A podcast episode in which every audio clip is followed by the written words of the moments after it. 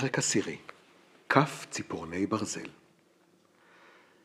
עננים קודרים רבצו מעל האגם, והאוויר מלא צריכותיהן של הציפורים המכושפות. בחוץ הקציפו גלים שחורים, אותם גלים שחורים אשר יטלטלו את סירתנו באגם המת, ואולי ירסקוה אל הצוקים אשר לרגליו של מצודתו של קאטו האביר. נפח החרבות עמד ליד האשנב והתבונן כאשר שחררנו את הסירה הקטנה. היא הייתה קשורה במפרץ שבהר עצמו, במחבוא בין קירות הסלע הגבוהים. רבות יודע קאטו האביר, הבר הנפח. אבל כי האגם המת עצמו חתר לתוך ההר שלי, זאת אינו יודע. אין איש היודע על מפרצי הסודי ועל הסירה הקשורה לגשר, העגינה שמתחת לאשנבי. לשם מה לך סירה, אם לעולם לא תוכל לחתור בה? שאלתי. יכול אני לחתור, אמר. אני מטפס ויוצא דרך האשנב ומותח את השרשרת ככל שאוכל, וכך יכול אני לחתור למרחק שמידתו כמידת אורכן של שלוש סירות. יכול אני לחתור במפרצי הסודי. הוא עמד ליד האשנב, גדול ושחור עמד שם, ממש מעל למעגן, והחושך היה כה כבד שכמעט לא ראיתי אותו, אבל שמעתי אותו צוחק, צחוק מוזר ומרעיד. רבות יודע קאטו האביר אמר, אבל יש עוד אחת שאינו יודע. אינו יודע מהו המסע שסירתי תוליך הלילה מעל האגם המת. ויש אחת שאתה אינך יודע, אמרתי. אינך יודע אם אי פעם תשוב לראות את סירתך. שמא תצלול לקרקע האגם הלילה, שמא תצלול לקרקע האגם כעריסה שנדנדו אותה הגלים, ובעריסה נמים יומיום ואני. מה תאמר עכשיו? נפח החרבות נאנח כבדות. רועז אמר רק, תערב לך שנתך, הנסיך מיו, תערב לך שנתך בעריסה שנדנדוה הגלים. פתחתי בחתירה ולא ראיתי עוד את נפח החרבות. הוא נעלם בחשיכה. אבל הוא קרא בעקבותינו.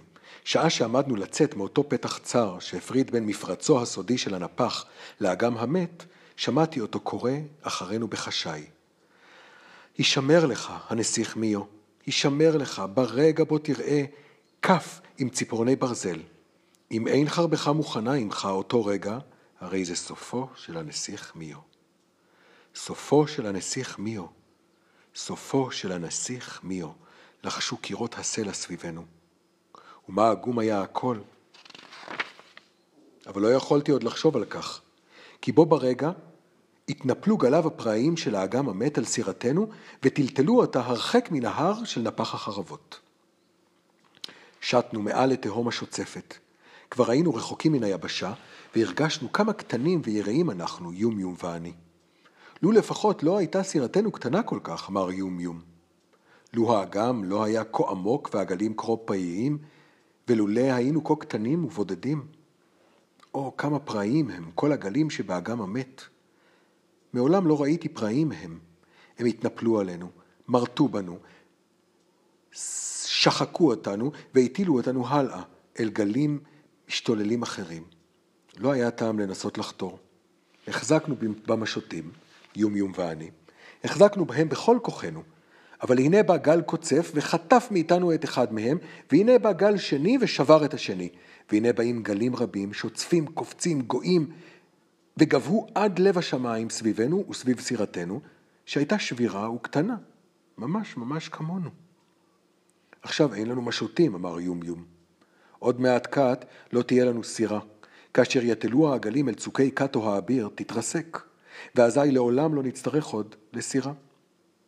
הציפורים המכושפות באו ועפו מכל עבר. הן סובבנו, צווחו וכוננו. הן עפו קרוב קרוב אלינו. באפלה יכולתי לראות את עיני הציפור הקטנות שלהן. עיניים בהירות ועצובות. האם אתה אחיו של נונו? שאלתי אחת מהן. האם את אחותו של יירי? שאלתי אחרת. אבל הן רק הסתכלו בי בעיני הציפור הקטנות שלהן, עיניים בהירות ועצובות. בצווחתן הייתה צביחת ייאוש. אמנם לא היו לנו משוטים וסירתנו טולטלה ללא הגה, אבל נגרפנו הישר אל מצודתו של קאטו האביר. שמה רצו הגלים להוליכנו, ובדיוק שם רצו לרסק אותנו אל הסלעים. עלינו, עלינו למות לרגליו של קאטו האביר. כך רצו הגלים. יותר ויותר קרבנו אל הסלעים המסוכנים.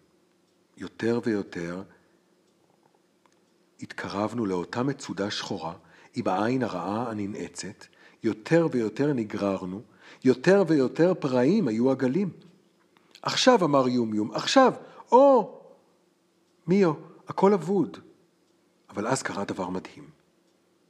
שעה שחשבנו כי מות נמות, שכחו הגלים ורגעו. לגמרי, לגמרי רוגעים היו הגלים.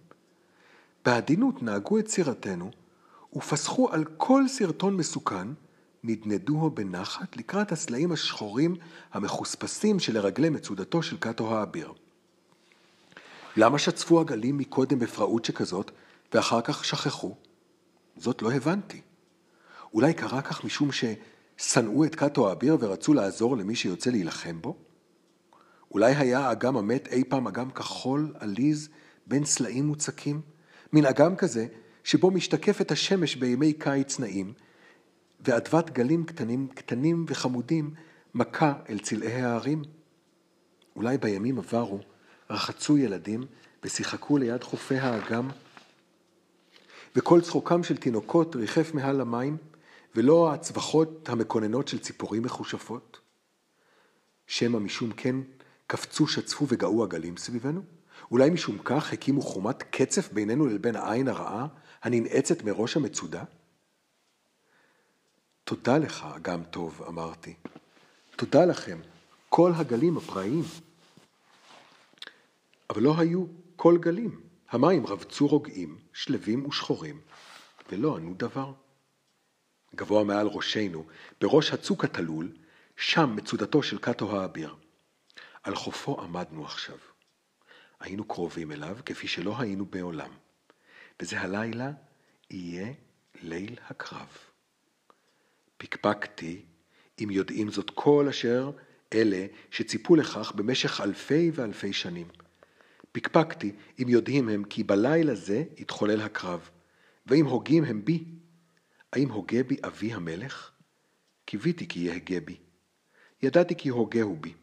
ידעתי כי יושב הוא בודד אי שם, הרחק מכאן, והוגה בי, והוא עצוב ולוחש לעצמו. מיו, מיו שלי. אחזתי בחרבי, חשתי כאילו אש בידי. הרי זה קרב כל כך נורא שאליו אני יוצא, לא יכולתי להמתין עוד. כמה כמהתי לפגוש את קאטו האביר, ולו יעלה הדבר בחיי. עכשיו מוכרח הקרב לפרוץ, ואפילו אם בסיומו לא יהיה עוד הנסיך מיו. מיו, אני כל כך רעב, אמר יומיום. הוצאתי את שארית הלחם המשביע רעב, ישבנו ואכלנו ליד צוקי הסלע לרגלי מצודתו של קאטו האביר. הרגשנו שאנחנו שבעים וחזקים וכמעט עליזים כאשר גמרנו לאכול. אבל הייתה זו שארית הלחם, ולא ידענו כיצד נשיג עוד מזון. עכשיו עלינו לטפס מול הצוק, אמרתי ליומיום. זו הדרך היחידה להגיע אל מצודתו של קאטו האביר. היחידה כנראה, אמר יומיום. והתחלנו לטפס במעלה ההר, שהיה גבוה גבוה ותלול. לו לפחות לא היה הצוק תלול כל כך, אמר יומיום. לו הלילה לא היה כה אפל, ולולא היינו כה קטנים ובודדים. טיפסנו וטיפסנו. הדרך הייתה קשה מאוד, והתקדמנו ממש באיטיות. אבל נאחזנו היטב בידינו וברגלינו, חיפשנו בליטות ומקומות משען, טיפסנו וטיפסנו. לפעמים פחדתי, וחשבתי כי לא אוכל יותר. כי נפול אפול, ואז הכל אבוד. אבל ברגע האחרון נמצאה תמיד פינה להחזיק בה, כאילו הצוק עצמו מושיט מדרגה קטנה לרגליי. ברגע בו עמדתי ליפול, ייתכן כי אפילו הסלע הקשה שנא את קאטו האביר ורצה לעזור למי שיוצא להילחם בו. מצודתו של קאטו האביר גבהה כמעט עד לב שמיים, ועד לב שמיים טיפסנו כדי להגיע אל חומת המצודה. החומה הייתה בראש ראשו של הצוק. מיד נהיה למעלה, לחשתי ליומיום. מיד נטפס אל מעבר לחומה, ואז, או אז שמענו קולות. היו אלה מרגלים ששוחחו בלילה. שני מרגלים שחורים שעמדו על המשמר במעלה החומה. חפש, בקש בכל מקום, אמר אחד מהם. פקודת קאטו האביר כי יש ללכוד את האויב. יש ללכוד את האויב. יש ללכוד את האויב שרכב על הסוס הלבן, זו פקודת קאטו האביר. חפשו במערות ההר, חפשו בין עצי היער, חפשו באוויר ובמים, מקרוב ורחוק חפשו בכל מקום. חפש קרוב, בקש קרוב, אמר השני. אנחנו המחפשים קרוב, ייתכן כי האויב בתוכנו ממש. אולי טיפס במעלה צוק הסלע הלילה? חפש בכל מקום. ליבי כמעט חדל לדפוק כאשר ראיתי אותו מדליק לפיד. אם יאיר בלפיד את מורד החומה, יבחין בנו, ואם יראה אותנו, אבוד הכל.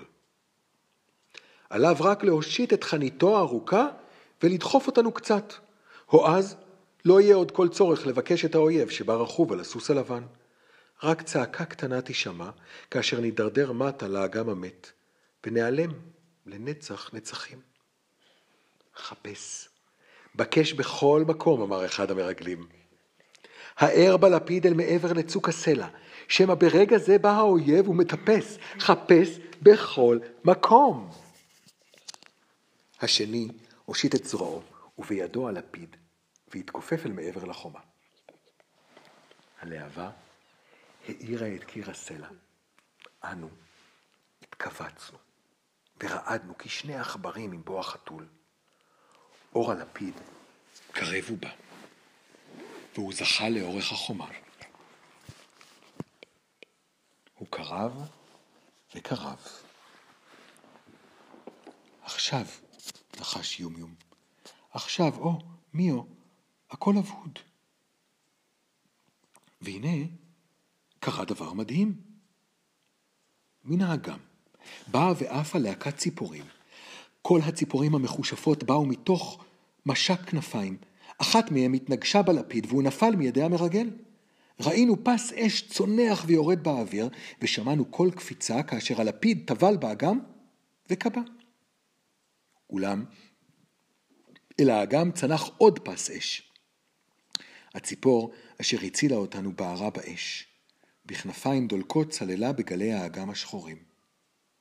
עד מה הצטערנו על הציפור? תודה לך, ציפור קטנה ומסכנה, לחשתי, אם כי ידעתי שאין הציפור יכולה לשמוע אותי, ולעולם לא תשמע עוד דבר. רציתי לבכות בגלל הציפור, אבל הייתי מוכרח לשים לב למרגלים. עדיין לא עברנו את החומה. עדיין ארבו לנו סכנות רבות. המרגלים כעסו כל כך על הציפור, הם עמדו על החומה ממש מעלינו. ניתן לי לראות את הקסדות שלהם השחורות המבעיטות, ולשמוע את הקולות שלהם המבעיטים שעה שפטפטו וקשקשו זה עם זה. חפש, בקש בכל מקום, אמרו. אולי האויב הרחק מכאן, אולי מטפס הוא בצוק ההר במקום אחר, חפש בכל מקום. הם סרו צעדים אחדים הצידה, והתבוננו בכיוון אחר. עכשיו לחשתי ליומיום, עכשיו. טיפסנו אל מעבר לחומה, כל כך מהר טיפסנו אל מעבר לחומה, כל כך מהר רצנו באפלה הישר מול מצודתו של קאטו האביר. נלחצנו אל הקיר השחור, עמדנו דוממים, וכל כך פחדנו שהמרגלים, שהמרגלים ימצאו אותנו. כיצד נכנסים למצודתו של קאטו האביר? לחש יומיום. כיצד נכנסים לשחורה שבמצודות תבל? הוא רק סיים, והנה נפתח פתח בקיר. בדממה מוחלטת נפתח לפנינו פתח שחור. קול לא נשמע. הייתה זו דממה מלאת אימה ומקפיאה יותר מכל דממה אחרת. אותו פתח, לו לפחות היה חורק כאשר נפתח. לו היו ציריו מצפצפים מעט. לו היה מוציא יבשה כלשהי. לו היה הדבר מטיל אימה כזאת, אבל היה זה השקט, השקט שהפחיד. זה היה השקט שבפתחים. יומיום ואני אחזנו יד ביד ונכנסנו למצודתו של קאטו האביר. הרגשנו כי אנחנו קטנים ויראים, כפי שלא הרגשנו מעולם. כי אין חושך שידמה לעלתה זו, כי אין קור שידמה לקיפאון זה.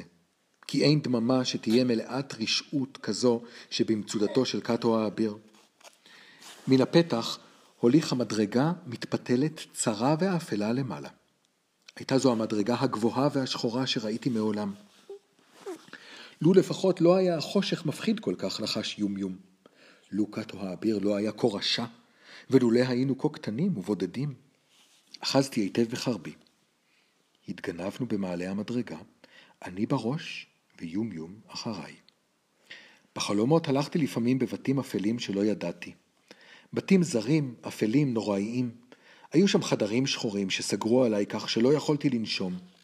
רצפות שנפתחו במקומות בהם רציתי לדרוך והיו לתהומות שחורות.